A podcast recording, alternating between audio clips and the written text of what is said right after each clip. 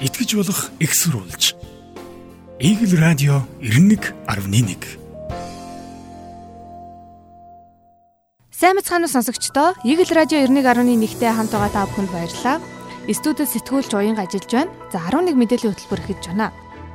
За төгжрэлтэй холбоотой мэдээллийг хүрэхээр бэлтгэлээ. Улаанбаатар хотын авто замын төгжрлийн өнөөгийн одоо энэ нөхцөл байдлыг бууруулах чиглэлээр ямар арга хэмжээ авах хэрэгтэй талаар за нийслэлийн засаг даргын тамгын газраас судалгаа захиалж хэлгэжээ. За энэ судалгаанд авто замын төгжрлийг бууруулах шийдлийн талаар за энэ төгжрлийн ер нь гол шалтгаан нь юу вэ гэсэн хариултанд иргэдийн 70% нь автомашины тоо хит их байгаа нь за төгжрөл үүссэн томоохон асуудал байна. Түүнчлэн томоохон зах худалдааны төвүүд хотын төвд байрлаж байгаа нь нөлөөлж байна.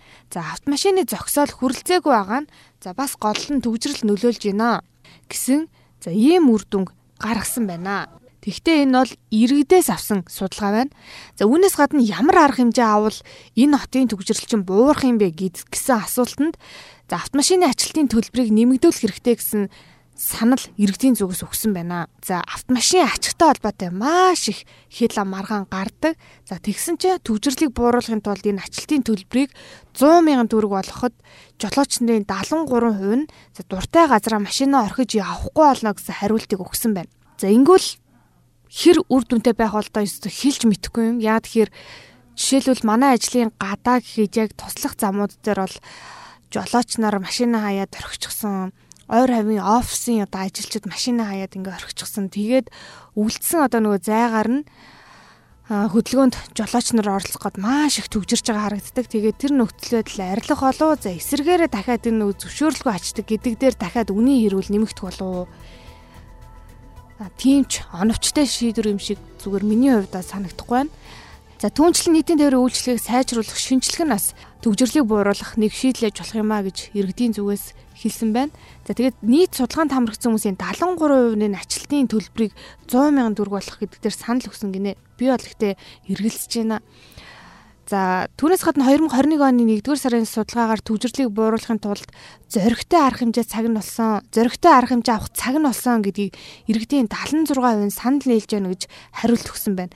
За 9 сарын хугацаанд уг дүн 15 пунктээр нэмэгдэж 91% болж өсжээ гэсэн байна. Иргэдийн зүгээс за энэ төвжирл үнэхээр толгойн өвчин болоод байгаа асуудлыг дөрвтэй шийдэх одоо шийдэмгий шийдэл хэрэгтэй байна. Шийдэмгий арга хэмжээ авах хэрэгтэй байна гэдэг дээр бүгдээрээ ер нь санал нийлжээ. За үүн дээр жишээлх юм бол ярих юм бол за Улаанбаатар хотыг нүүлгэх гэдэг ажил бас олон жилийн өмнө яригдчихж байгаад орхигдчихсон. За дөрвтэй бүр юм дааттай яг юм үр дүнтэй судалгаас хийгдсэн зүйл байхгүй ингээд орхицсан байдаг.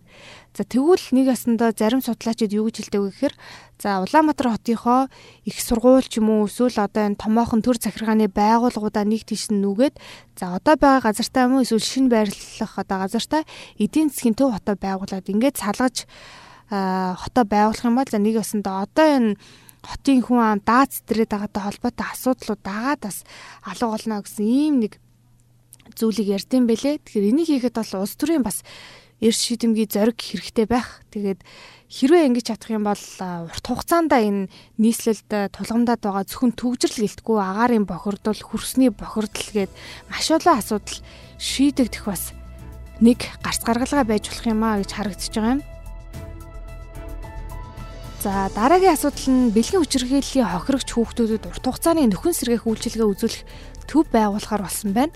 За хүчирхээлд өртсөн хүүхдүүдэд нөхөн сэргийх эмчилгээ буюу сэтгэл зүй болон за физиологийн хувьд одоо ингээд эмчилгээ шаардлагатай байдаг.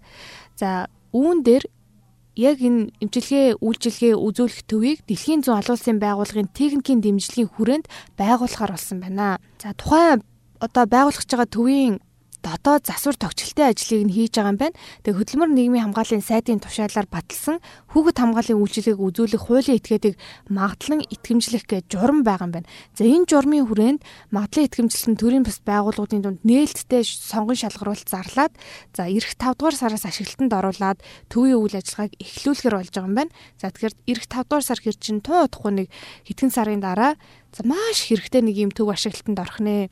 Жишээлбэл та бүхэн нэг тоо сонсвол 2021 онд 345 хүүхэд бэлгийн хүчирхийлд өртсөн гих гомдол бүртгэгдсэн байт юм байна. 345 хүүхэд те зүгээр өдөр болгон нэг хүүхэд бэлгийн хүчрхийлд өртсөн гэсэн гомдол бүртгэгдсэн гэсэн үг шүү дээ жилдээ.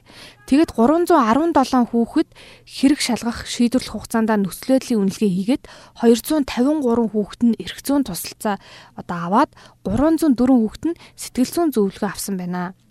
Энэ бол ингээд маш сэтгэл сэртгийлэм тооштой. Зүгээр нэг бие махбодын тэ хүчирхийлэл биш, бэлгийн хүчирхийлэл өдөрт бараг нэгээс 2 хүүхэд өртөж байсан гэсэн үг 2021 онд. Тэгэхээр яг эдгээр хүүхдүүдэд нөхөн сэргээх үйлчилгээ үзүүлэх одоо зайшгүй шаардлагатай. Тэгээд нөхөн сэргээх үйлчилгээ үзүүлэх дундаж хугацаа нь 26 7 хоног маш урт. Тэгээ энэ хугацаанд бие махбод болон за сэтгэл санааны хүчирхийлэлд өртсөн хүүхдийг нөхөн сэргээх дунд хугацаа нь нөхөн сэргээх одоо эмчилгээнд хамруулдаг. Тэгээд энэ эмчилгээний ерөнхий хугацаа нь 26 7 хоног, дунд хугацаа нь 7 7 хоног байт юм байна. За мөн одоо үл хайхрах хүчирхийлэлд өртсөн хүүхдүүдэд нөхөн сэргээх үйлчилгээ үзүүлдэг юм байна. За энэний дундаж хугацаа нь 2 7 хоног байт юм байна. За энэ хэрээр хугацаа нь урт байх тусмаа те уртж байсан богомч гэсэн ер нь өдөртөө нэгээс хоёр хүүхэд яг энэ төрлийн хүчирхийлэл төртөөд байгаа тохиолдолд за энэ бэлгийн хүчирхийллийн хохирогч болсон хүүхдүүдэд нөхөн сэргийх үйлчилгээ үзүүлэх төв бол маш чухал юм байр байгаамаа. За тэгэхээр тун удахгүй бас энэ байр ашиглалтанд орохоор байна. Нэг бодлын таатай мэдээ. За нөгөө талдаа бас эдгээр хүүхдүүд өдөр тийм тооны хүүхэд хүчирхийлэлд өртөж байна гэдэг бол маш эмзэглэмээр ийм тоо байна.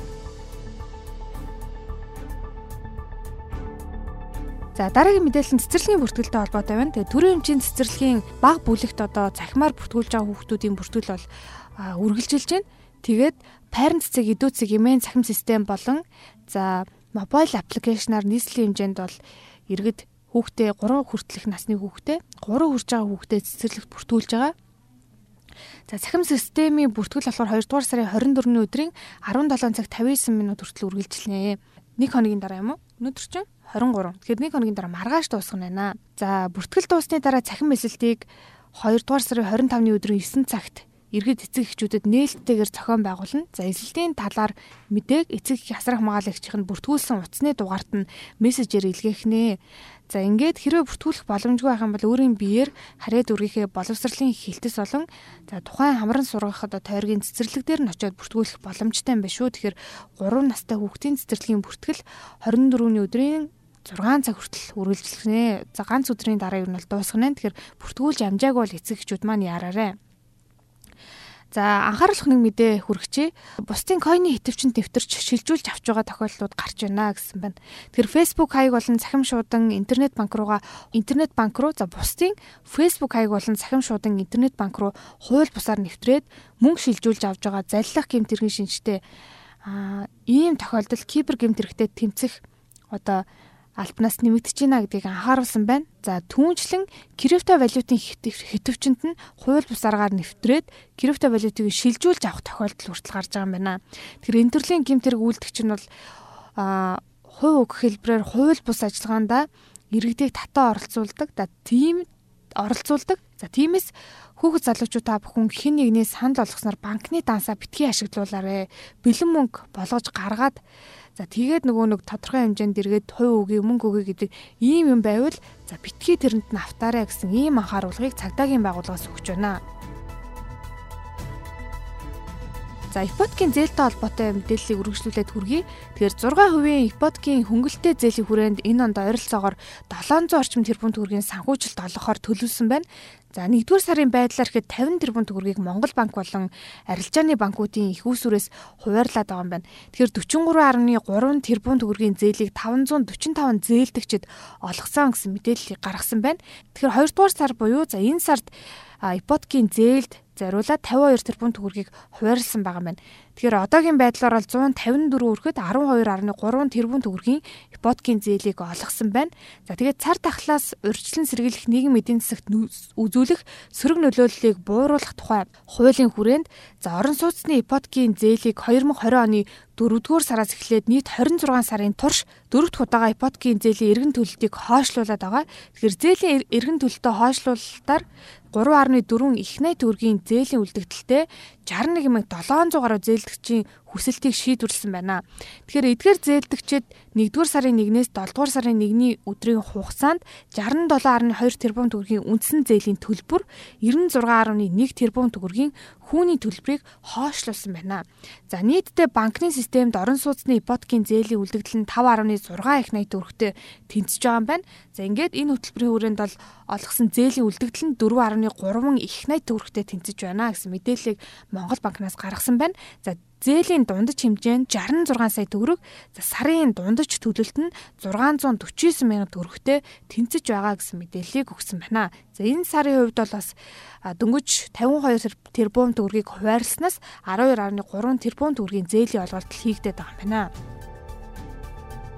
Сонсогчдоо Eagle Radio 91.1 11 мэдээллийн хөтөлбөрөөр та бүхэнд хүргэлээ сэтгүүлч уянг радиогийн студид ажиллаа. За маргааш 11 мэдээллийн хөтөлбөрийн шин дугаартай эргээд уулзъя.